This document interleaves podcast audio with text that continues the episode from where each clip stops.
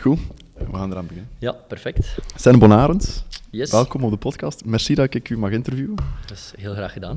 Ehm, ik zag uw eh, LinkedIn-post en het eh, ja, inspireerde mij wel een beetje. Was, eh, ik, Mhm. vond, ik vond het heel, heel leuk om te lezen, ehm, omdat ik ook wel wat geïnteresseerd ben in ja, zowel die devices die alles gaan, gaan meten. Yes. Ehm, tegenwoordig is er ook heel veel rond te doen, dus ik dacht, waarom niet gewoon Let's even... have a eh, chat. Voilà, Ja, ja. oké, top. Dus merci dat je instemt om dit te doen. Je Nee, mijn vierde eh. gast. Het is eh, mijn podcast Virginity, dus, eh, die ik aan het verliezen Ik ben. Dus, blij. ja, dus bedankt daarvoor. dat ik dat mag doen. ja. Ehm, de LinkedIn-post die je had gestuurd, of die je had, je had Yes. gemaakt, ging over on-tracks. Ja, Kan je wel vertellen wat dat juist is? Ja. ik zal misschien beginnen met nog een beetje daarvoor. Ja. Ehm, ik, ik heb sportwetenschappen of eh, bewegings- en sportwetenschappen gestudeerd. Dat is denk, denk ik de juiste naam. Ja. Ehm, vijf jaar, met, met op het einde, de laatste twee jaar, kunnen wij eigenlijk een, ehm, een, een richting kiezen dat u interesseert, een afstudeerrichting. Eh, en ik heb mijn, mijn thesis gedaan in, in biomechanica. Dus, dus biomechanica is heel simpel gezegd zo de, de krachten die op uw lichaam inwerken en hoe dat, dat een beweging gaat beïnvloeden. Eh, en daar heb ik mijn, mijn thesis over gedaan. Eh, om daarna een doctoraat te starten eh, binnen running biomechanics. Dus, dus het lichaam dat ik bestudeerde was dan de, de loper. Ehm, en waarom is dat interessant of wat heb ik gedaan? Ik heb eigenlijk de, de, de belasting die een loper ervaart tijdens het lopen, ben ik gaan kwantificeren, gaan modelleren, ehm, om een idee te krijgen hoe risicovol een bepaalde loopbeweging is. Want eh, je moet eigenlijk weten dat hoe hoger de belasting is, hoe hoger het risico op een blessure. Ehm, en als die belasting te hoog is voor wat een bepaald weefsel aan kan, bijvoorbeeld de Achillespees, ehm, dan gaat die Achillespees een blessure gaan ondervinden. Ehm, dus dat, dat meten en dat weten is, is leuk, is, is één ding. Ehm, maar je wilt daar natuurlijk ook iets aan doen. Eh, en ik ben op zoek gegaan, in, in mijn doctoraat specifiek, naar een manier om eh, die belasting te doen dalen, zodanig dat het risico voor een blessure ehm, lager is. Dus, dus ik heb de instructie gegeven aan, aan lopers van probeer eens te lopen door minder op en neer te gaan. Eh, omdat tijdens lopen, typisch lopen is gekarakteriseerd door een, een contact met de grond. Dan ga je in de lucht, een zweeffase, en dan land je op je andere voet. Ehm, en ik heb gezegd van die zweeffase gaan we nu zo klein mogelijk proberen maken. En door die te gaan, die te gaan reduceren, ehm, vond ik dat de belasting eigenlijk in, in je onderste ledematen, in je wenen, heel sterk daalde wat dat een voordeel is naar, naar risico op een blessure. Ehm, dus dat is een beetje mijn doctoraat geweest. En, en een collega van mij, die ook co-founder is van Ontrax, want met Ontrax gaan wij een, een spin-off vanuit de Universiteit Gent gaan, eh, gaan uitrollen. Ehm, in, in het doctoraat van Ruterie, ehm, die gelijkaardig met mij iets gedaan heeft, ehm, is hij gaan nadenken van oké, hoe kan ik die belasting, die heel typisch in ja, een labo zoals dit hier eigenlijk, eh, met heel duur materiaal, heel veel expertise, ja, hoe kan je dat ook gaan kwantificeren op een manier dat dat buiten kan gebruikt worden en dat ook de, de gewone loper daar iets aan heeft. Want, want ja, hier moet je al redelijk wat geld voor betalen. Ja, Eh, er moet expertise van personeel zijn. Die analyse duurt heel lang. Ehm, en wat heeft hij, ehm, samen met Pieter van den Bergen, nog, nog een andere collega, ehm, gedaan? Zij hebben eigenlijk een, een sensor, een accelerometer, op het, het onderbeen geplaatst en op het scheenbeen. En die meet de versnelling waarmee dat de voet de grond geraakt. Dus daarbij geldt ook, ehm, hoe hoger dat die versnelling is, hoe hoger dat de schok op uw lichaam is. Eh, en dat komt heel goed overeen met een aantal maten die wij hier in het labo meten. Ehm, dus dat zou je buiten kunnen gaan, gaan gebruiken. Nu doet die, die, die accelerometer, die sensor rond je onderbeen, eh, gaat buiten lopen. Ehm, en dat kan je dan gaan meten en gaan kwantificeren. En verder heeft hij daar ook feedback op gegeven. Want het is leuk natuurlijk om dat te meten, maar als je bijvoorbeeld 10 kilometer gaat lopen en na die 10 kilometer zegt er iemand van oké, dat was eigenlijk niet goed, Ja. ja, dan heb je daar niet niet veel zoveel aan. Ja. Ehm, dus hij heeft daar ook samen met Pieter ehm, feedback op gegeven. En in het doctoraat van Ruud was dat via muziek. Ehm, dus dat komt overeen eh, dat wanneer dat die schok eigenlijk te hoog is of, of boven een bepaalde drempel ligt, eh, wanneer dat die te hoog is voor je lichaam eh, en je hoger risico op een blessure hebt, dan gaat er een soort ruis op je muziek komen, alsof dat je door een tunnel rijdt ehm, met je auto en de radio die werkt niet goed. Ah, ja, ja. Ehm, dan, dan weet de loper tijdens het lopen, oké, ik, ik moet mijn loopstijl hier gaan aanpassen, ik moet wat trager lopen, wat anders gaan lopen. Kan de loper volledig zelf kiezen, eh, totdat die ruis weg is. En wanneer dat die ruis weg is, eh, weet de loper, oké, dit is beter voor mijn lichaam, eh, minder belastend, minder risico voor een blessure. Dus met ons twee, met Ruud en, en met mezelf, ehm, zijn we dan gaan nadenken van oké, willen wij academisch gaan voortdoen? Uh, want de academische weg is, heel onderzoeksgericht, is, heel data-driven, ehm, wat dat goed is, want er ontstaat kennis die heel innovatief is. Ehm, maar wij wouden ook effectief iets doen voor de loper, en ook voor, voor de gezondheidsprofessional noemen wij de kinesist, de arts, de podoloog, die te kampen heeft met die loopblessures. Um, dus hebben wij ervoor gekozen om, om dat eigenlijk uit te rollen als een spin-off vanuit de Universiteit Gent, um, die wij dan OnTracks genoemd hebben. Um, en ja, dat uitrollen is er eigenlijk een beetje gekomen door, door onze derde uh, collega, door de derde co-founder Christophe de Meij. hij is business developer aan UGent uh, en ja, hij pusht redelijk veel mensen, of hij probeert dat toch allee, mensen warm te maken om, uh, om, om echt iets te ondernemen, om, om ook met de kennis iets te doen. en vandaar dat wij OnTracks proberen uit te rollen uit de Universiteit Gent. Ja, mooi. En als je kunt omschrijven hoe dat, dat product er juist uitziet? De... Ja, um, ik heb het liggen, maar ik ben het vergeten mee te nemen. Ah, dus dat is al geen goede publiciteit. um, dat is eigenlijk, een, een, je moet het u een beetje voorstellen als een, een, een muntstuk van 2 euro. Ja, um, een heel licht, lightweight sensor, dat een, een, bepaalde strap heeft. Dus een, strapping dat je rond het scheenbeen kan gaan doen. Je gaat die eigenlijk gaan aandoen. en waarom is dat belangrijk dat dat op dat scheenbeen zit bijvoorbeeld? Omdat je die schok, die moet heel valide gemeten zijn. Natuurlijk, als je injuries wil aanpakken, uh, dan moet het wel juist zijn wat dat je meet. En daar willen wij garant voor staan om een valide schoksignaal, een valide belastingsignaal te gaan meten. Mhm. Dus daarom die strapping rond, uh, rond het scheenbeen. Um, en op dit moment hebben wij ook een, een applicatie. Um, dat is eigenlijk nog een heel academische applicatie. Dus je gaat dat niet kunnen verkopen op de App Store. niet op de Apple? Uh, nee, nee, nee, nee, nog niet. Nee. Um, maar het werkt, um, dus dat de loper al kan gebruik maken, kan hij zijn broek steken, um, doet uh, oortjes in, hij klikt op hey, ik start mijn sessie, hij loopt en dan uh, afhankelijk van de baseline gaat hij ruis krijgen of geen ruis krijgen. Mm. Dus het prototype dat we op dit moment hebben is, is dus de, de sensor die rond het onderbeen zit en de applicatie die de loper kan uh, gaan gebruiken. Ja. nu, dat is voor de loper en dat zijn we nu met een aantal externe partijen aan het nakijken hoe dat we dat beter kunnen designen, dat dat gebruiksvriendelijker wordt, enzovoort en zo verder. Uh, maar dat is de, de oplossing die we naar de loper toebieden. Natuurlijk, daar heeft een, een arts, een kinesist en een podoloog weinig aan, want ja, je loper is weg met de apparatuur, je kunt dat niet zien. Um, dus voelen wij ook wel de nood om een, een platform te maken voor, um, voor, voor de gezondheidsprofessional, uh, waarbij die heel duidelijk kan zien, oké, die loper heeft dan, dan en dan gelopen, met die belasting gelopen, um, daar was een reductie in die belasting en die pijn uh, die die loper normaal had, gaat nu naar beneden. Uh, dus die kan dat heel mooi opvolgen. En op die manier heeft hij niet enkel data, wat dan nu typisch gebeurt, is, is in de praktijk is op een loopband gaan lopen, maar ik heb, ik heb, zelf mijn doctoraat op, uh, op de loopband gedaan en uh, ja, dat is, dat is niet volledig anders, maar dat is wel anders. Laat mm. staan als je daar maar 10 minuten op loopt. Ja. Um, dus wij zeggen, je hebt in-the-field data. En met die in-the-field data kan die, uh, die arts, die, die, allez, die geneesheer eigenlijk, um, aan de slag gaan om die revalidatie te gaan optimaliseren. En eventueel zelfs om ook follow-up te gaan uh, garanderen. Want wat zien we of wat horen we vaak, is dat mensen krijgen negen beurten kine voorgeschreven bijvoorbeeld. Uh, na die negende beurt kine voelen ze van, oké, okay, dat gaat hier beter, maar als ik nu opnieuw begin te lopen zoals vroeger, heb ik gewoon opnieuw een blessure.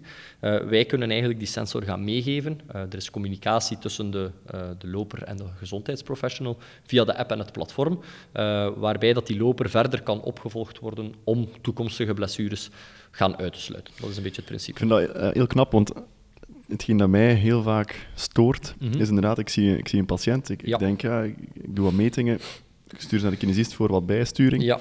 En dan, ja, vraagteken, wat gebeurt er met die patiënt? Ja, inderdaad. Uh, en misschien zien jullie terug na drie maanden, het is niet beter. Dan ja, denk ik, ja, voilà. we hebben nu drie maanden eigenlijk niks, niks bereikt. Nee, dus zo'n app zou, zou schitterend waar. zijn. Ja, ja dus ja. daar zijn we nu naar aan het kijken. En waarom dat wij heel hard op die, die belasting focussen, wat dat wij nu zien, en ik vind dat geweldig, is, is kinesisten, dat zijn mensen die heel veel inzichten willen verwerven, artsen ook, die willen weten waarom een bepaalde blessure voorkomt. Uh, en die gaan heel veel um, oefeningen gaan aanbieden en ook loopstijlaanpassingen gaan aanbieden. Um, wat je vaak hoort is je stapfrequentie gaan aanpassen bijvoorbeeld. Um, en en dat, dat is super, maar met onze device zou je kunnen gaan kijken, oké, okay, is dat effectief? Uh, wat dat je hier nu voorstelt om die, die stapfrequentie of op je voorvoet lopen, je achtervoet, allee, er zijn heel veel mogelijkheden.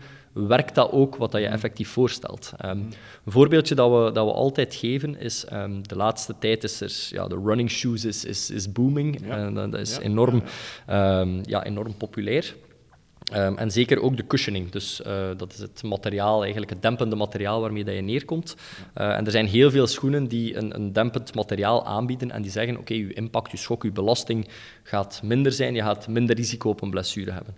Wij zeggen van, oké, okay, maar met onze achtergrond weten wij dat dat voor 50% van de mensen klopt. Ja. Maar bij de andere 50% is het zelfs het omgekeerde. Die belasting gaat zelfs hoger zijn. Dus, dus wij zeggen, oké, opnieuw een goede manier om proberen die belasting te gaan beïnvloeden, te gaan reduceren, maar je weet het niet, want je ziet het niet. Het is de, de onzichtbare parameter, noemen we het ook wel. Hmm. Dus met onze device zou je zeggen van, kijk, loop eens met die schoen. Oké, die belasting, die, die impact gaat naar beneden. Oké, die kan ik u aanraden. Dat is dan een andere use case voor bijvoorbeeld in, in schoenenwinkels zoals een RS-lab uh, enzovoort. Um, maar die schoen zou ik zeker niet aanbevelen, want die, die belasting gaat bijvoorbeeld naar omhoog. Dus het is die belasting in kaart brengen met wat dat je lichaam aan kan en die balans gaan maken, um, dat is waar dat wij naartoe willen. Ja, eh, want eh, onze adviezen zijn vaak een, een soort van samenraapsel een gemiddelde, een, een mediaan. En inderdaad, ja, er zit een 50% voor het gemiddelde en 50% ja, na het gemiddelde. Ja, zeker. En ik, ik, heb, uh, ik heb mijn thesis, dat was niet echt een grote thesis, maar voor een oh. sportgeneeskundeopleiding moest ik een klein thesisje maken. Ik heb dat over barefoot running gedaan. Ja, oké. Okay. En um, via die barefoot running uh, ben ik wat in, in die schoenen gedoken en, en, en, al die grondreactiekrachten en weet Ja, ja oké, okay, top. En, um, en daar, daar, daar, tot mijn verbijstering zag ik dat er geen evidentie was voor één bepaalde schoen, één bepaalde nee. looptechniek. Uh, het ene werd aangeraden om dan op je voorvoet te gaan lopen. Ja. Dan zagen ze ook blessures, andere blessures. Ja, in de kuit. In de kuit, ja. ja. Nu afhankelijk van hoe snel dat je die belasting hebt opgetrokken. Ja, dat, dat is een beetje de, de grootste misopvatting in de running community, ja. naar mijn mening. Is dat, um, en dat blijkt ook uit, uit wetenschappelijke studies, is dat um, lopers zelf, die, die wijten blessures niet aan die belasting. Die, die ah, zeggen van, ik heb foute schoenen, uh, ik heb niet gestretched, ik heb niet opgewarmd. Wat dan misschien in totaal 5 of 10 procent van die belasting gaat betekenen. Ja, ja. Maar het is hoe dat je loopt en hoe dat je, je, je loopstijl die belasting gaat gaan beïnvloeden. Um, dat is heel belangrijk. En wat je daarnet ook zei, het is, het is um, belangrijk om naar, naar personalization te gaan doen, om een individu, echt als een individu te gaan kijken en niet zeggen van oké, okay, deze aanpassing blijkt uit literatuur dat gemiddeld wel werkt. Ja, oké, okay, maar dat, dat, is gemiddeld. Uh, ik heb dat gezien in mijn data ook. Gemiddeld kwam dat heel mooi uit. Maar als er vijf langs de ene kant iets doen, vijf langs de andere kant iets doen, ja, dan land je in het midden en doet je voor niemand goed. Um, dus wat willen wij doen, is, is, zeker die belasting in kaart brengen. En dat, dat kunnen wij heel goed met, met onze expertise binnen, binnen de running biomechanics, met ons doctoraat. Uh, maar langs de andere kant heb je dat, um, dat profiel van een loper. Uh, wat kan die aan? Wat kan uw lichaam aan? Dat is veel moeilijker om in kaart te brengen. Um, ik geef altijd het voorbeeld van, je hebt twee lopers, uh, bijvoorbeeld wij twee. Uh, we hebben exact dezelfde belasting, maar als mijn belastbaarheid van mijn lichaam veel lager is dan dat van u, dan ga ik geblesseerd geraken en jij niet, maar we hebben alle twee dezelfde belasting. Nu, om dat in kaart te brengen, is, is veel moeilijker. Um, dan, dan zit je aan medische gegevens, aan gezondheidsgegevens te denken. Um, in eerste instantie denk je aan leeftijd. Hoe ja. ouder je bent, hoe minder belastbaar je lichaam. Ja. Hoe hoger de BMI van, van je, je lichaam, hoe, hoe minder dat dat aan kan, dat lichaam, omdat daar heel veel zware krachten op neerkomen. Dus ook om, om dat profiel van die loper te gaan individualiseren, voelen wij wel de nood, zeker om met ontracks, om niet binnen dat sportgegeven alleen te blijven, want dat is belasting, prestatie...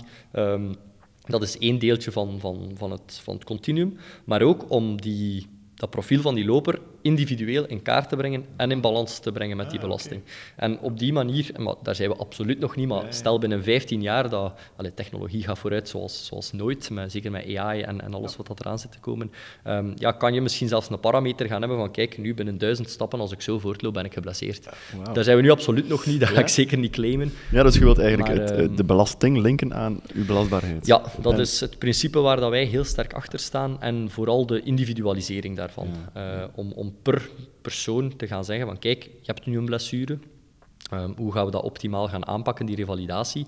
in het ideale geval zelfs preventief gaan werken. Um, maar met OnTracks voelen wij van, oké, we moeten nu ook commercieel denken als ondernemers, niet enkel als, als wetenschappers, um, om een product te kopen dat je geen blessure gaat krijgen, -hmm. Maar je hebt geen blessure, ja, dat, dat is niet aantrekkelijk. Want dan moet je zeggen, Gianni, uh, wilt jij graag 250, 300 euro betalen voor iets wat je nu ook niet hebt? Ja, dat is niet zo aantrekkelijk om te kopen. Ja. Dus maar ik denk op zich, welke loper heeft er nog nooit een blessure gehad? Ja, dat is waar. De cijfers zijn dazzling. Ja, ik heb ze daarnet nog in de pitch geschreven. Um, ik denk dat er ongeveer in, in, Europa en in Amerika 110 miljoen lopers zijn, waarvan dat er de helft jaarlijks een blessure heeft. Ja. en dat is daarom niet allemaal heel ernstig. Dat gaat van een keer een weekje oud zijn ja. naar ja, maanden uit zijn. Maar dus, dus dat wil wel zeggen dat er één ja, een duidelijke nood is aan een oplossing. En twee, op dit moment geen oplossingen zijn. Uh, of toch onvoldoende oplossingen die, die, die de echte nood kunnen gaan tackelen. En dat is waar wij met OnTracks ook willen op vastpinnen, want wat zien we vaak bij andere um, competitors, allee, uh, zalige producten bij ook, maar dat is heel competition-based, prestatie, en ze gaan ook nog analyse doen en ook nog injuries tackelen dat wij al een beetje zeggen, oef, injuries alleen is zo ingewikkeld, laten wij ons daarop focussen en wij gaan ons niet aantrekken of dat je sneller loopt door ons product, dat is absoluut ah, ja, niet de bedoeling. Ja. Wij willen gewoon zorgen dat mensen blessurevrij blijven. blijven lopen en, en, niet geblesseerd geraken of dat die revalidatie gaan optimaliseren. Ja, oké. Okay. Zijn er zo, we hebben net gesproken over individualiseren en, mm -hmm. en zorgen dat je niet gewoon pure gemiddelde advies geeft, maar yes. zijn er zo wel een paar dingen dat je, dat je hebt gezien, eigenlijk voor iedereen? Ja, enorm veel, denk ja. ik. Um, ja, zo typisch aan lopers is zo als je ja, niet heigend thuiskomt, dan heb je niet gesport. Dat, dat is zoiets wat ik, is, ik ook ervaar. Pas op, sportwetenschappers zijn niet het beste in hun eigen advies volgen. Um, maar ik heb mij in mijn doctoraat bijvoorbeeld heel sterk gefocust op, op beginnende lopers.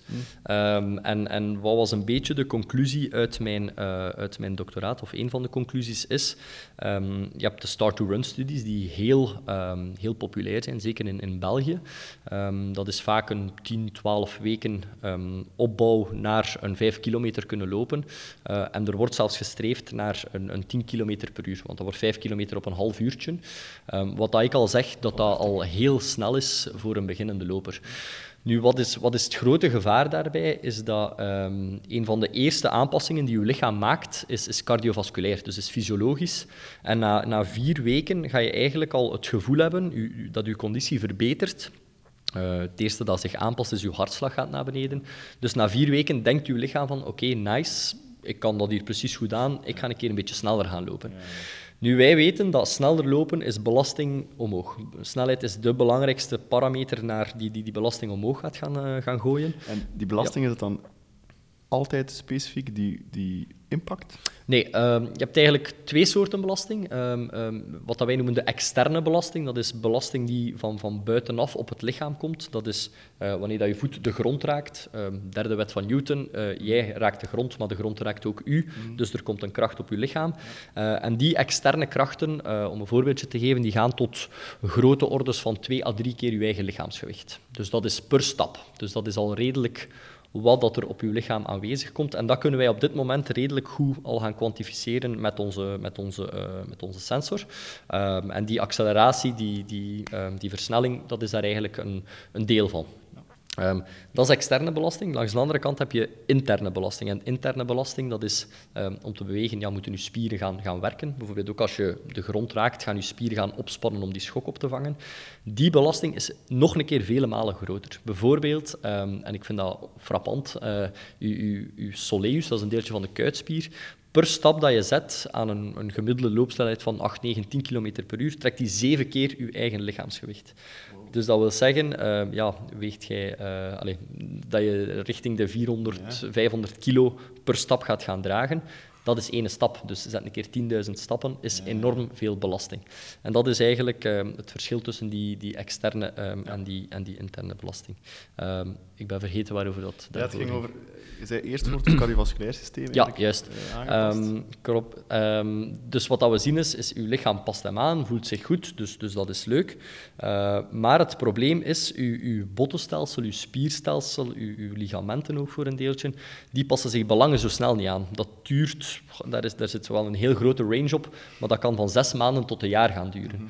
Dus dat wil zeggen dat als je sneller gaat lopen, die belasting wordt vele malen groter, omdat je sneller loopt. Dus die Achillespees, die, die kuitspieren, die quadriceps gaan daar gaan duwen. Ehm, terwijl dat eigenlijk je lichaam zegt van, ik kan dat niet aan, stop alsjeblieft. Dus, dus wat zien we daar? Een, een serieuze match- mismatch tussen ehm, het cardiovasculaire en het biomechanische, de mechanische belasting, waardoor dat heel veel van die beginnende lopers geblesseerd raken. En ook bij, wij noemen dat novice runners, beginnende lopers, daar is de grootste incidentie van blessures. En die stoppen ook vaak met lopen, omdat ze zeggen van ja, ik doe pijn, ik kan het niet, het lukt niet. En vaak ook met andere vormen van fysieke activiteit. Want waarom is lopen interessant? Is, het is heel gezond. ehm, mentaal, fysiek eh, gezondheid, ehm, naar hartvaataandoeningen enzovoort op. Ehm, maar eh andere, allee, evengoed, andere sporten zijn, zijn daar ook heel goed in. Maar als je vaak stopt met lopen, gaan ze ook niet meer gaan, gaan, gaan tennissen, omdat ja, je hebt die pijn. En dat is een beetje de, de mismatch die wij zien. Dus mijn tip daarbij is heel rustig opbouwen. Snelheid zeker niet te snel gaan opbouwen. Ehm, ik pleit zelfs een beetje voor 16, 20 weken start-to-run studies.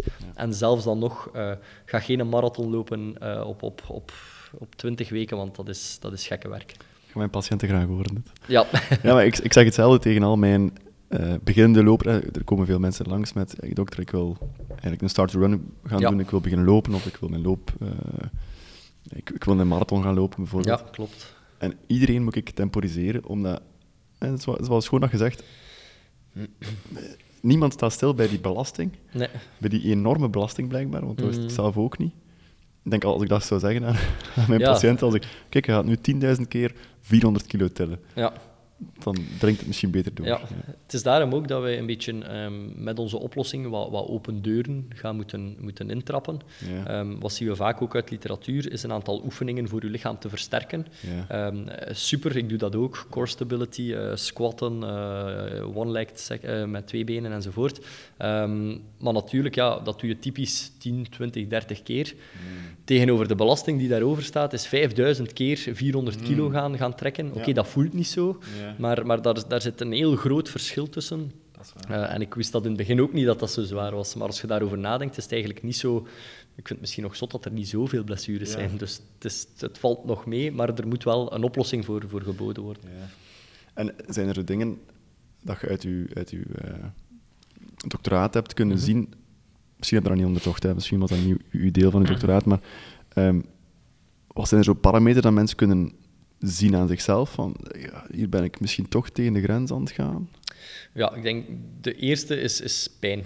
Ja. Dus het is heel simpel. ehm, wat dat wij vaak horen van feedback met, met kinesisten ook bijvoorbeeld, is ehm, wij willen eigenlijk mensen gaan opvolgen over de tijd. ehm, en we doen dat bijvoorbeeld met pijn op een papiertje gaan noteren. Ja, dus, dus pijn is een eerste parameter dat je zegt van oké, dat, dat, dat is iets eh, waar dat ik kan aan weten van oei, dat, dat klopt hier niet. Ik denk de andere parameters, eh, dat- ja, dat is, dat is moeilijk. Is, is denk ik gewoon letten op, op trainingsschema's, op volume, snelheid, dat dat allemaal een beetje logisch in elkaar gaat zitten. Ehm, en dat je daar ja, een keer met een expert wel gaat babbelen. En, en er zijn enorm veel loopcoaches die dedicated zijn, die je daarin in kunnen begeleiden.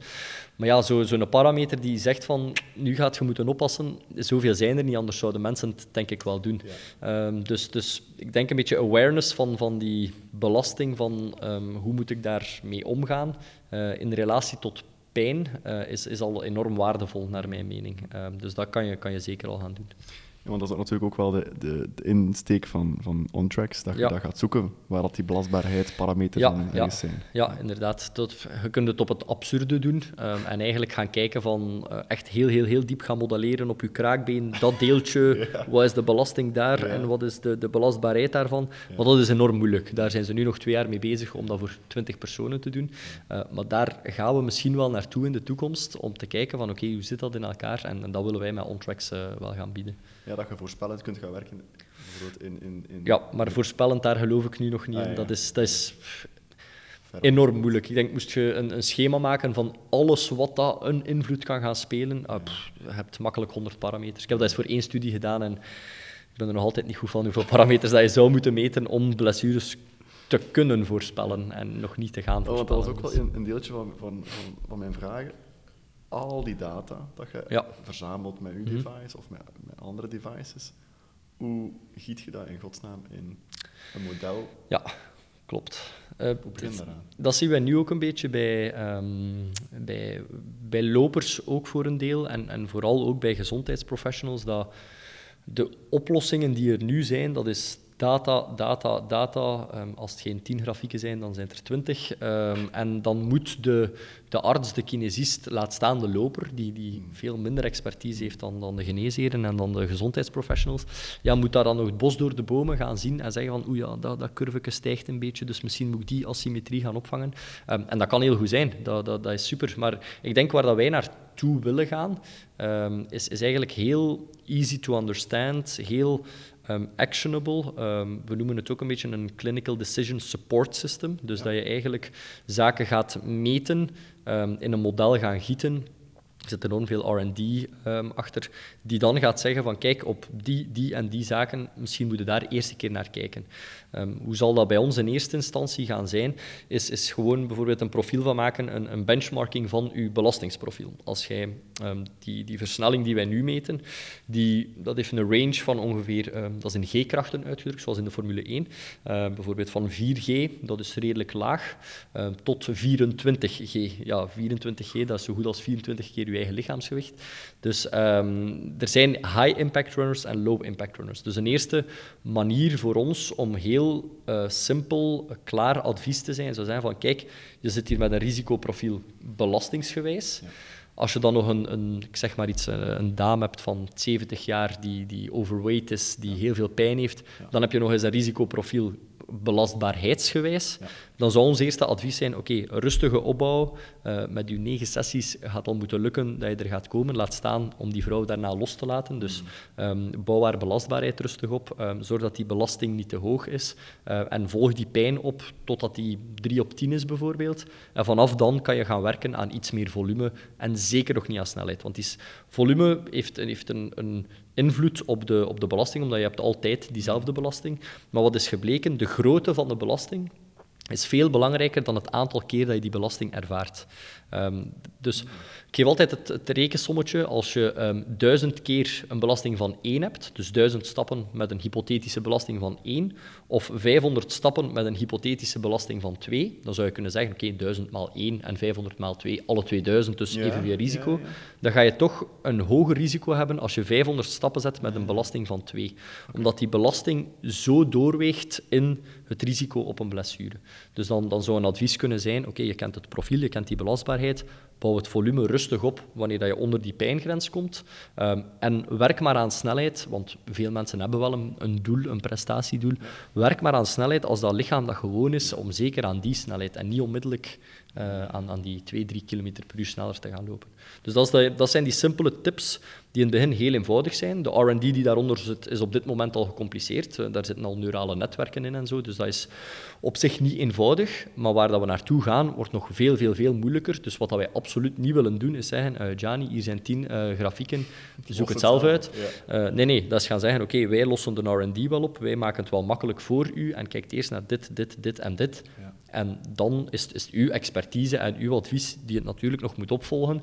Uh, want een pasklare oefening, allee, wij zijn daar ook heel eerlijk in, we gaan niet blessures ja. oplossen. Dat, ja. dat, is zo goed als onmogelijk. Ja. Dus, dus, wij willen ondersteuning bieden aan lopers en aan de geneesheren, de gezondheidsprofessionals. Ja, want allee, we hadden het net over die groep. Ja. Ik vind dat ook het, het leuke aan zo'n groep is dat je vrij pasklare ja, parameters vindt, ja. waar je dan ook duidelijk in ziet, ah, als ik dat doe, dan verandert die een parameter. Ja, ja, dat is waar. En dan leert u wel veel over uw eigen lichaam, dan leert mm -hmm. u ook wel wat omgaan met uw eigen lichaam. Ja. En ik denk dat dat in de sportwereld, mm -hmm. dit, dit, is zo van die, het is veel van veel die dingen. Je hebt een Garmin, je hebt ja, uh, een ja, Apple, klopt. maar zo ja, over, over de belasting van op een, op een weefsel, op, op, op, op, ja, op dat een been, dat bestaat nog niet, denk ik. Hè? Of... Well, er zijn wel maten die, um, die die richting uitgaan. De vraag is, hoe valide moeten ze zijn in een bepaald toestel. Uh, bijvoorbeeld Garmin is, is, heel sterk prestatiegericht. Ja. Als Garmin er met zijn waarden 30, 40 procent naast zit, kunt u je afvragen, oké, okay, is, dat, is dat zo erg? Allee, oké, okay, als je 10 seconden minder snel loopt op je marathon of, of een minuut mm. minder snel loopt, op zich valt dat wel mee. Eh, natuurlijk, als je naar, naar injuries gaat kijken, het, het, medische, ja, daar wil je natuurlijk wel op zitten om een, een medische oplossing te gaan bieden. Um, dus er zijn wel al wat zaken. Bijvoorbeeld met je Garmin kan je de, de oscillatie, het op en neer gaan tijdens het lopen gaan meten en dan zie je, oké, ik ga nu 8 centimeter in de lucht of 6 centimeter. En je zou bijvoorbeeld al kunnen zeggen, oké, ik ga die 8 centimeter proberen reduceren naar 5 en dan ga ik al minder belasting hebben ja, goed idee. Uh, maar het moet natuurlijk wel juist zijn wat dat er gemeten wordt. Um, en er zijn wel zaken die, die valide zijn, maar bijvoorbeeld die oscillatie, want ik denk dat dat bij Garmin al redelijk goed zit, dat dat redelijk correct is. Uh, maar die kan niet onmiddellijk gerelateerd worden aan belasting, bijvoorbeeld. Um, een tweede voorbeeldje is um, de, de stridepods. dat zijn uh, eigenlijk een, een, sensor die je rond de schoenveters kan, kan kleven. Ja, ja. Is ook vooral prestatiegericht. Die gaan eigenlijk bij het wielrennen heb je vermogen om aan te fietsen.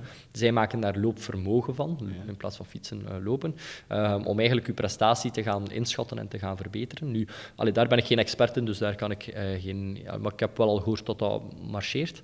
Um, maar ze zeggen ook impact te meten, bijvoorbeeld. Uh, waar dat wij dan van zeggen, als je een sensor aan je, aan je schoenveters doet en die zit daar inderdaad dat te doen, ja, het eerste wat dat je signaal doet is dat. Dus uh, dat gaat geen 100% juist zijn. Wij ook niet, by the way, maar dat gaat ook geen, geen 80% juist zijn. Ja, en dat durven wij wel zeggen. Ja, dan begint er dus, uh, ja. Bestond dat al, dat, dat prototype? Of is dat echt ontwikkeld? Long way. Door, ja, ja. ja, ja. ik denk, het is begonnen in 2017 of 18. Want ja, nu stellen we dat misschien heel simpel voor. Ja, dus, ik zal een meter aan je been, oké, punt. Maar um, we zijn eigenlijk vertrokken, um, en dat was niet mijn doctoraat, dat was dus van uh, Ruud en van uh, Pieter van den Bergen. Um, we zijn begonnen met als ik het mij goed herinner, een, een, een accelerometer, de, de, sensor zelf, daar een beetje plastiek rond, met een kabel, dus bekabeld, door je broek, met echt zo van die kinetape dat niet leuk is om af te doen, rond je been strak uh, getaped. Rugzak op de rug, daar een tablet in, de sensor daarin en de ja. analyse zo. Amai. Dus ik heb nog foto's dat ik in het labo aan het lopen ben en ik moest al zien hoe dat ik liep of de draden waren weg. Ja. Um, maar dat was een eerste manier om te gaan kijken, oké, okay, um, die, die acceleratie die we meten, die, die schok, is die valide. Dus wat dat wij daar meten, en de, de gouden metingen via onze krachtplaten en zo, uh, gouden standaardmetingen liever, uh, komen die overeen. En daar zagen we, of, of zag Pieter en Ruud, uh, van oké, die correlaties die zijn daar heel sterk. Dus die komen heel goed overeen en we hebben een maat dat we eigenlijk buiten kunnen gaan, gaan meten. Nu, ja, niemand gaat met een tablet in een rugzak met draden en kinetape rond zijn lijf gaan lopen. Een tweede oplossing, uh, wat, die ze dan verfijnd hebben, is in um, van die kousen, van die stretching uh, socks, um, daar de sensor gaan inbrengen. Um, dan de accelerometer eigenlijk met elektronica gaan verbinden naar een batterij. Want als je die twee samenplaatste, dan waren ze te zwaar en gingen ze ook te veel wiebelen. Dus was opnieuw niet valide. Mm -hmm. Dus die sensor zat buiten de, de batterij en de, de unit, was verbonden met elektronica. Um, opnieuw met de, met de rugzak. Of dat, dat kon al zijn dat dat met een applicatie was. Maar dan zat je met het probleem, oké, hygiënie, uh, hygiënisch, ja, die kousen moeten gewassen worden. Hoe zit dat met die elektronica? Niet iedereen loopt met steunkousen. Dus dat was eigenlijk fase 2. Um, dan uh, fase 3 uh, zijn ze gekomen met een eigen hardware gemaakt systeem, waarbij dat je, dat was nog een, een groter, lelijker systeem, maar werkte academisch heel goed. Dus dat was mooi rond, rond, de, arm, rond, de, rond de enkel te plaatsen, rond het scheenbeen, met een applicatie en dan kon je eigenlijk al buiten gaan lopen. Uh, ja, en nu hebben wij ervoor gekozen om niet meer met dat systeem verder te gaan, uh, om eigen hardware ontwikkelen als start-up, als, als spin-off.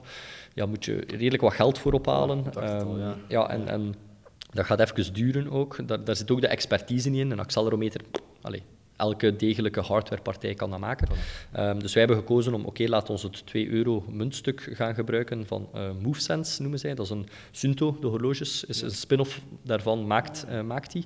Um, en eigenlijk die gaan gebruiken op het, wat dat we nu hebben als, als product. En ik moet zeggen, ik heb er al een keer twee uur mee gelopen en ik vergeet zelfs dat dat aan mijn lichaam hangt. Nee, dus, uh, dus dat is wel aangenaam. Ja, is Belangrijk ook wel dat het aangenaam is. Ja, voilà. Ja. Je sprak net over de... Ik had u gevraagd, zijn er zo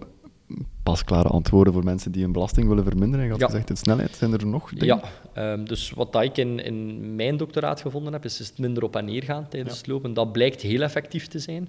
Okay. Um, is ook niet super moeilijk om te gaan doen. Mm -hmm. um, het makkelijkste is, is, dus trager lopen, maar dat minder op en neer gaan, dat, dat werkt ook redelijk goed. Zeker ook aan tragere snelheden. Ja. Waarom? Als je snel loopt, dan heb je die zweeffase en dan moet je niet proberen om die te beperken, want ja, dat gaat raar voelen. Mm -hmm. Maar zeker als je 7, 8, 9, 10 per uur loopt, dan dan lukt dat wel.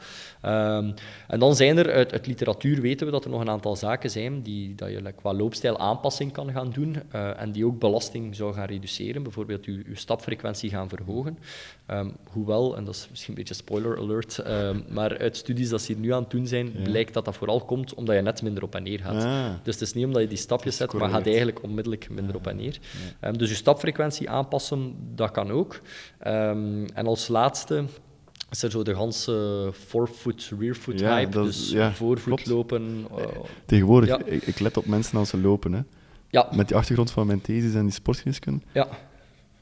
Het zeven. Vijf jaar geleden zag ik niemand nee, nee, nee, op zijn voorvoet lopen. En nu is iedereen. Ja, maar, dat, dat kan benefits hebben, dat, dat zeg ik niet. Uh, maar wat dat veel mensen niet weten, is als je van een, een rearfoot, dus als je met de hiel landt, mm. normaal rol je mooi af en stoot je dan mm. af.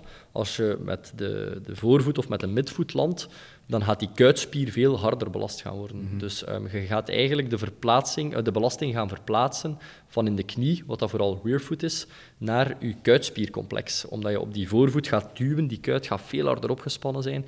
Dus je moet oppassen, en dat geldt bij elke loopstijlaanpassing, um, dat je de belasting gewoon niet ergens anders gaat gaan leggen. Het is daarom dat wij ook voelen van um, met, met onze technologie, laten wij de lopers volledig vrij in, in um, hoe ze hun aanpassingen doen.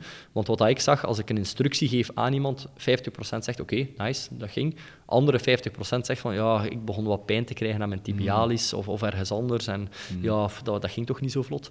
Dus, dus je moet weten als je een, een loopstijl aanpassing gaat doen, doe dat altijd in zeer beperkte mate en heel gradueel. Dus ga nooit onmiddellijk op je voorvoet gaan lopen, want dan ga je gewoon een kuitblessure gaan krijgen. Uh, maar doe dat gradueel. Um, hetzelfde met dat op en neer gaan. Um, doe dat niet onmiddellijk, maar doe dat gradueel.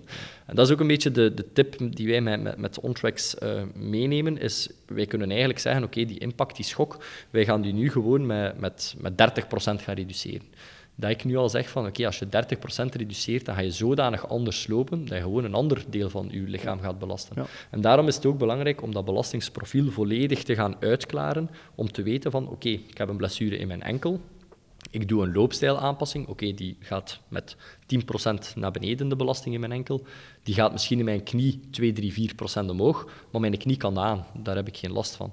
Uh, maar dat moet je natuurlijk wel weten. Dat, dat niet in één keer je knie 20% omhoog gaat en dat je een knieblessure gaat krijgen. Want is dat ook het doel van uh, OnTracks? Dat je in de app bijvoorbeeld kunt zeggen ik heb Achillespeespijn, of mijn dokter heeft gezegd, ik heb Achillespeespijn, ik wil nu lopen, zodat dat minder belast wordt. Ja, op, op, dat gaat het moeilijke en het heel R&D-driven part worden. Um, is om die belasting wel te gaan uitklaren op verschillende niveaus. Dus wij willen niet bij die impact alleen blijven. Wij gaan kijken naar andere belastingsparameters ondanks dat we het niet moeilijk willen maken. Dus wij gaan niet zeggen, hier zijn weer tien belastingsparameters. Uh, nee, dat moet een slim systeem zijn die zegt, oké, knieblessure, last daar, die belasting is belangrijk en zo en zo en zo kan je dat gaan aanpakken. Mm. Maar dat is de tricky part waar dat we nog niet zijn, uiteraard. Ja, ja.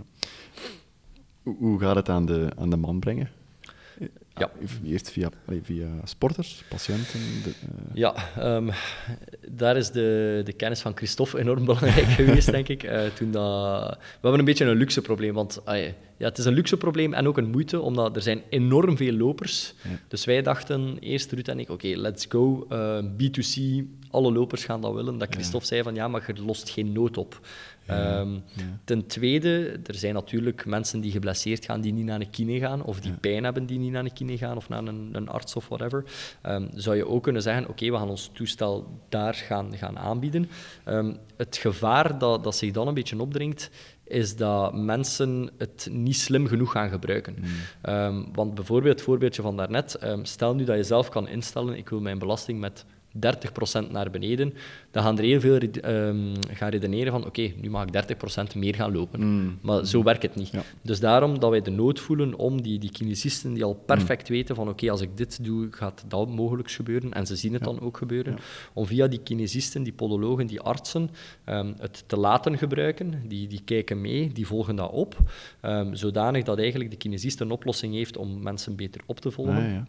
En die mensen buiten ook beter uh, worden opgevolgd. Dus vandaar onze keuze om een een, een B2B-model uh, eh, te, te gaan, gaan implementeren, wat dan nog gefine-tuned moet worden, uiteraard. En mogelijk zijn er dan wel natuurlijk patiënten die het uh, x aantal keren gebruikt hebben, die zeggen: Oké, zalig. Um, ben er ik, weg mee. Ja, ik ben er weg mee. Ik weet hoe dat ik het moet gebruiken. En, en daar is dat, dat deeltje educatie wel heel belangrijk. Dus hopelijk maken we de loper ook slimmer en weet de loper op termijn... Allee, ik hoop dat ik binnen tien jaar iedereen met een sensor zie. Um, maar dat ze natuurlijk weten van, oké, die belasting, ik moet daarop letten. Um, dat is een beetje de hoop. Ja, is daar nog een lacune in, denk je? Dat er, dat er gewoon te weinig uh, ja, kennis rond is en te weinig bewustzijn rond is? Ja. Want je sprak, in het begin sprak je mm. van, ja, uh, mensen zijn zich niet bewust van, van, van, hoeveel impact dat, dat zo geeft. Ja, klopt. Goh, ja, dat is altijd een studie dat ik eens willen doen heb eigenlijk. Is gewoon een, een groep van 100 mensen die, dat ik een start-to-run-programma geef en ik zeg, doe maar. De andere 100 uh, eh, zeg ik van, oké, okay, um, geef ik een, een, les van een uur en zeg ik de dingen dat ik nu zeg. Dus let op, niet te snel en, en, al die zaken. En ik ben benieuwd wat dat eruit zou komen. Maar ik denk wel dat dat een, enorm, een enorme invloed gaat hebben. Um, en, en mensen zijn zich daar, naar mijn mening, te weinig van bewust. Um, maar het is natuurlijk ja, er is een verschil, denk ik, tussen bewustzijn en het effectief implementeren. Daarom voelen wij ook een beetje op termijn dat, dat je niet enkel binnen dat biomechanische oplossing moet blijven, maar dat daar ook een, wat wij noemen, een motivationele en een gedragswijzigende component moet in zitten. Um, dat je bijvoorbeeld via wat dat je Whoop nu al redelijk goed doet, is dat je, dat je zegt na, na een loopje van oké, okay, uh, let op, uh, de belasting was wat te hoog, dus mm pas op de volgende keer, of neem misschien een dag extra rust. Dus op, op die manieren die, die feedback gaan krijgen tijdens en na een loopsessie, die, die op uw maat is. Want ik haat bijvoorbeeld uh, de duizend en één pop-ups dat ik krijg. Ik zet dat allemaal af buiten mijn WhatsApp. Um, maar, maar je hebt van die zaken die oppoppen altijd. Als dat voor u goed is, oké, zoveel te beter dan... dan bestoken wij u met tips en tricks mm. om u educationeel en motivationeel te gaan, te gaan begeleiden. Uh, waar dat bij mij misschien beter is door één keer om de twee dagen te zeggen, hey, pas op, belasting, weet je nog. Um, dus ik geloof daar wel sterk in dat, dat mensen door ze gewoon het, het, te leren, het concept te leren kennen, ook effectief benefits gaan hebben uh, naar, naar blessurepreventie of, of te revalideren in, in blessures. Ja, dat klopt. Ik weet niet of je die kent, Daniel Lieberman. Ja, de footwear. Die, ja, de, ja. Die, Peet, hè. Ja. die heeft een boek geschreven ook. Um, want die is heel hard bezig met het evolutionaire. Ja. ja dus, en, uh, was, ik heb dat boek gelezen net als ik begin met mijn geneeskunde ja. uh, opleiding. Dat, dat, heeft mij heel, heel veel geleerd. Mm -hmm. En ik, ik, kijk vanaf nu ook heel veel door een evolutionaire lens. Mm -hmm. En dan, bijvoorbeeld bij het lopen, denk ik, ja, stel als je nog mensaap waard, mm -hmm. of, of de, de, eerste Homo sapiens, we ja. leefden nog in Afrika. Uh... Ik ben benieuwd naar de vraag. ja, nu komt hij.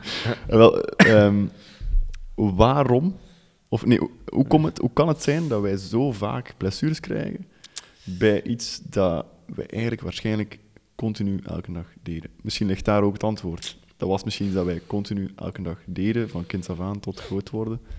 En ja. dat we nu wat kwijt zijn. Ja, dat, dat, goh, dat, is een, dat is een heel moeilijke vraag. En ik ga nu al zeggen dat ik het juiste antwoord ja. niet heb, uh, denk, denk, ik. niemand, ja. Maar, uh, eerst misschien zeggen dat, dat barefoot running, um, daar zeggen ze denk ik wel van dat voetmusculatuur versterkt, omdat ja. Je, ja, je gaat je voet gaan, een beetje gaan manipuleren en je hebt niet die, die comfort van die runningschoen. Mm -hmm. Maar je ziet bijvoorbeeld wel als je op je hiel gaat gaan lopen nog altijd, wat dat de minderheid dat wat nog doet, is dat je, je hielpad wel vaker geblesseerd gaat raken. Dus dat is ook een, een deeltje, dat verleggen van die, van die belasting. Ja, ja het evolutionaire gedeelte, oh, dat, is, dat is iets moeilijk, maar ik denk dat dat misschien wel met onze levensstijl kan te maken hebben. Um, er, er, zijn heel veel zaken die, die nu anders zijn. Uh, allee, ik zelf noem mij redelijk sportief, maar ik zit ook zeven uur per dag op mijn stoel. Ja, ja als je dat vroeger niet deed, dan, uh, dan is dat natuurlijk volledig anders. Um, er zijn studies van, van een professor uit Amerika die, die ook een heel interessante kijk heeft op blessures. Um, en hoe dat wij typisch doen, is we kijken tijdens lopen en dat maakt of kraakt de blessure. Zij zegt van, oké, okay, er is een groot verschil tussen als je bijvoorbeeld een verpleegster bent en je zet elke dag 20.000 stappen en s'avonds gaat jij nog een keer gaan lopen. Ja, dat is al 20.000, klein beetje belasting, die hem ook opstapelt. Dus natuurlijk, als, als je evolutionair uh, ganse dagen onderweg bent, en ik denk dat 20.000 stappen nog een understatement zal zijn in die tijd, kan uw lichaam zich misschien wel volledig anders gaan aanpassen. Ja. Dat overheen de tijd, ja, uh, uw lichaam evolutionair past zich ook aan. Dat dat misschien mogelijk een, een, een Dat ja, gewoon, een- spieren en pezen gewoon extreem sterk worden. Ja, dat zou kunnen. Allee, ik, ik ben daar absoluut geen expert in, eh, Ja. maar dat zou, wel, dat zou daar wel mee te maken kunnen Ja. hebben, natuurlijk. En dat, dat vind ik het, het, het, het rare of het, het jammere, eh, ook in de geneeskunde, dat daar ook weinig aandacht aan wordt besteed. Ja, mm. Ook in onderzoek, denk ik. ja, ja dat Ehm, klopt. Want misschien daar nog op verder gaan is... ehm, je hebt dat evolutionaire, maar je kunt dat eigenlijk ook veel ehm, acuter nu gaan zien. Ik had eh, bijvoorbeeld een mevrouw ehm, die een beginnende loopster was. Ehm, en die kwam hier toe en die zag er redelijk sportief uit en die begint te lopen. En ik had in mijn studie gezegd, ik wil mensen die lopen tussen de 7 en de 9 per uur. Nu, zij begint te lopen en die loopt aan 12 per uur. Ik dacht, amai, een, een wonder. Eh, en ik vroeg dan, ja, maar wat doe je en zo? En, en zij fietste heel veel. Zij fietste 10.000 kilometer per jaar. Dus conditioneel opnieuw was die perfect in orde. Ja. Maar haar lichaam, eh, tijdens fietsen ervaar je die belasting niet. Dus dat is, dat is een beetje duwen en je spieren trekken wel en doen wel. Maar dat is niet die, die, die impact.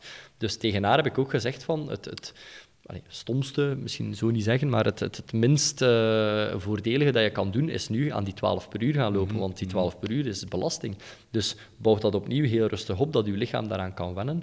Ehm, zoals dat misschien vroeger ja, gebeurde doorheen ja, de jaren iedereen veel te laten stappen, stappen, stappen en continu bezig zijn, is dat bij haar het Ja, tegenovergestelde interessant. Ja, interessant. Nog nooit over nagedacht. Ja. Ja. Sporters in andere takken. Zwemmers, Ja, super conditioneel. En dan beginnen lopen. Dat is een gevaar. Ah, ja. Ja. interessant. Ja. Nog niet over. Ik ga dat ook meepakken. Yes.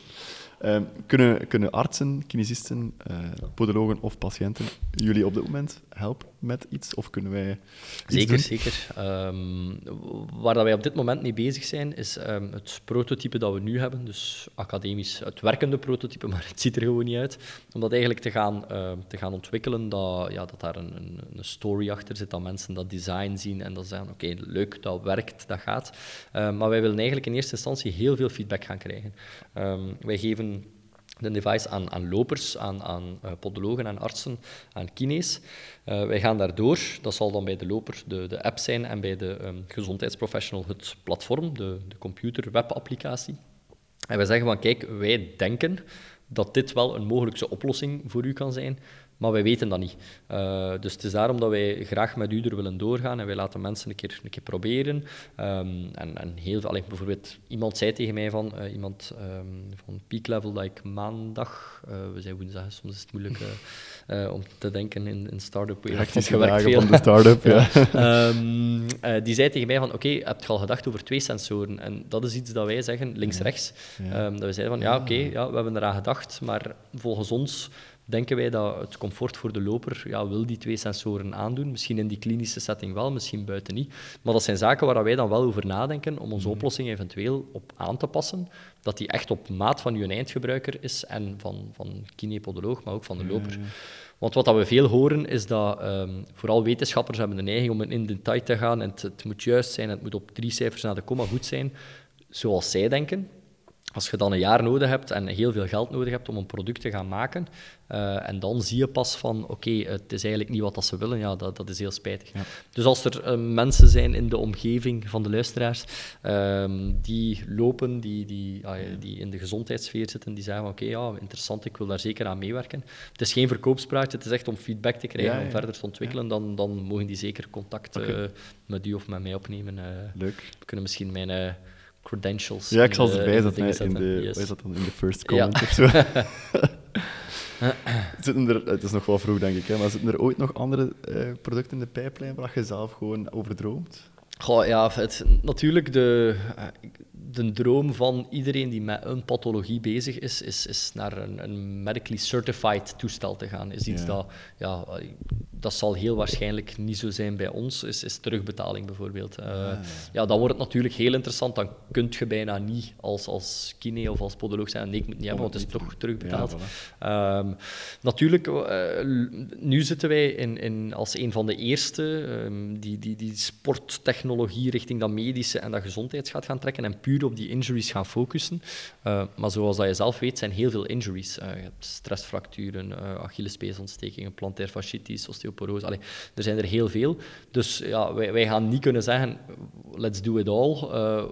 dat is gewoon onmogelijk. Um, moest nu blijken binnen vier, vijf jaar met alle data die wij vergaren, um, want wij gaan die data ook kunnen, ja, kunnen consulteren en daar R&D op gaan doen.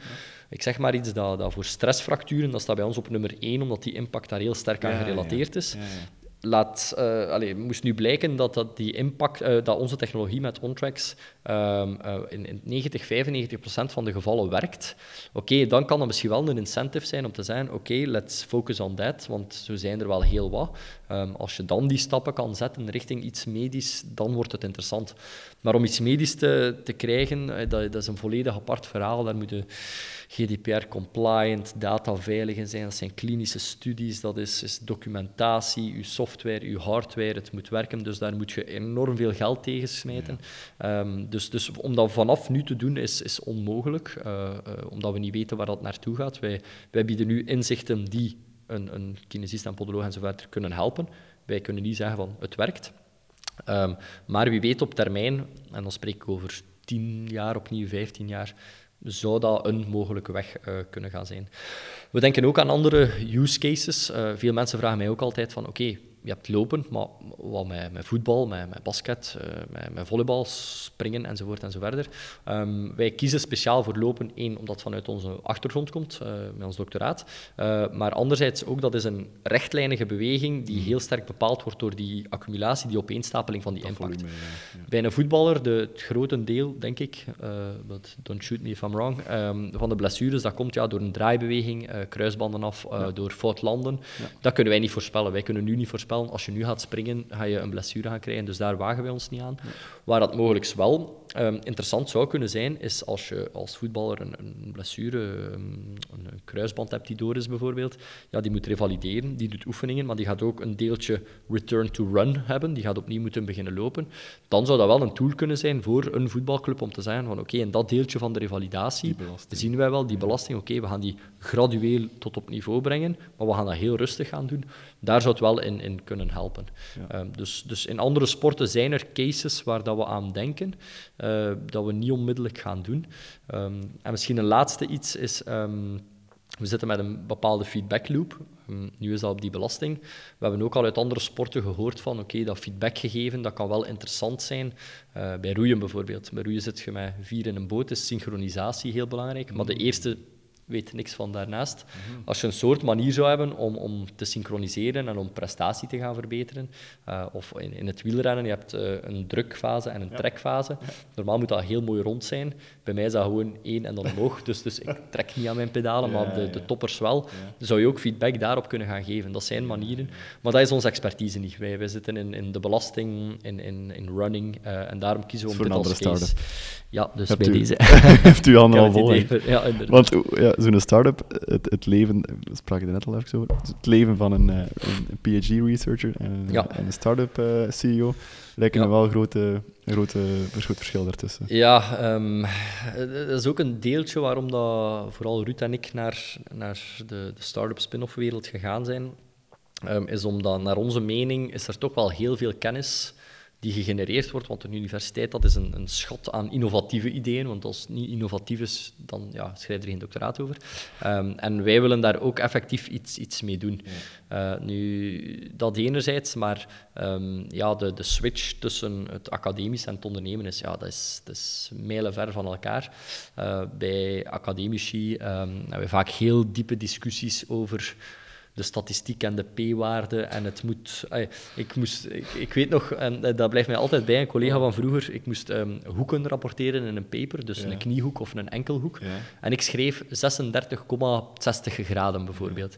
Dat er iemand tegen mij zei, een collega Ine tegen mij, van ja, Senne, 36,60 graden. Wie in godsnaam weet dat dat 0,6 graden is? Dat ik dacht van, ah ja, oké, okay, ja, dat is waar. Dus dat is maar een voorbeeldje om te zijn als researcher zit je op je, op je vakgebied en daar komt heel waardevolle kennis uit, maar je zit daar zo op gefocust om dat heel gedetailleerd in orde te hebben. Nu als start-up is dat volledig om... het moet juist zijn, maar um, let's be honest, als 80% juist is, is het ook het moet gewoon verkopen. Dus um, Dat, dat, is ook iets dat Christophe tegen mij zei, als, als, als ze morgen met een zak geld komen en je gaat het verkopen aan iets dat totaal niet met running te maken heeft, ja, dan gaat jij wel de klik moeten maken en zeggen van oké, laten we mm. die richting gaan, ook al mm. zint het u misschien niet volledig. Dus het is de, de ondernemerswereld van babbelen met mensen, financiële plannen opstellen, uh, discussiëren, uh, maar niet op het gedetailleerde niveau, maar wanneer gaat dat product er komen, bij wie gaat het zijn, was je product market fit. Ja, daar, ik heb in zes maanden enorm veel bijgeleerd, dus alleen dat is al een heel waardevolle les. Dus uh, ik zou zeker de sprong opnieuw wagen, ondanks dat wel niet altijd makkelijk is, denk ik. Was dat iets dat altijd al in, in u zat? Nee, absoluut niet. Goh, ehm, moeilijke vraag. Um, enerzijds denk ik het niet, omdat ik niet zo iemand ben die zo zegt van ah, let's do this, oké, dan een keer proberen. Uh, maar langs de andere kant vind ik dat het mij wel afgaat, dat, ik, dat ik wel vooral de drive in mijn eigen kan vinden om ergens voor te gaan. Dus misschien zat dat wel wat vertoken uh, daarin.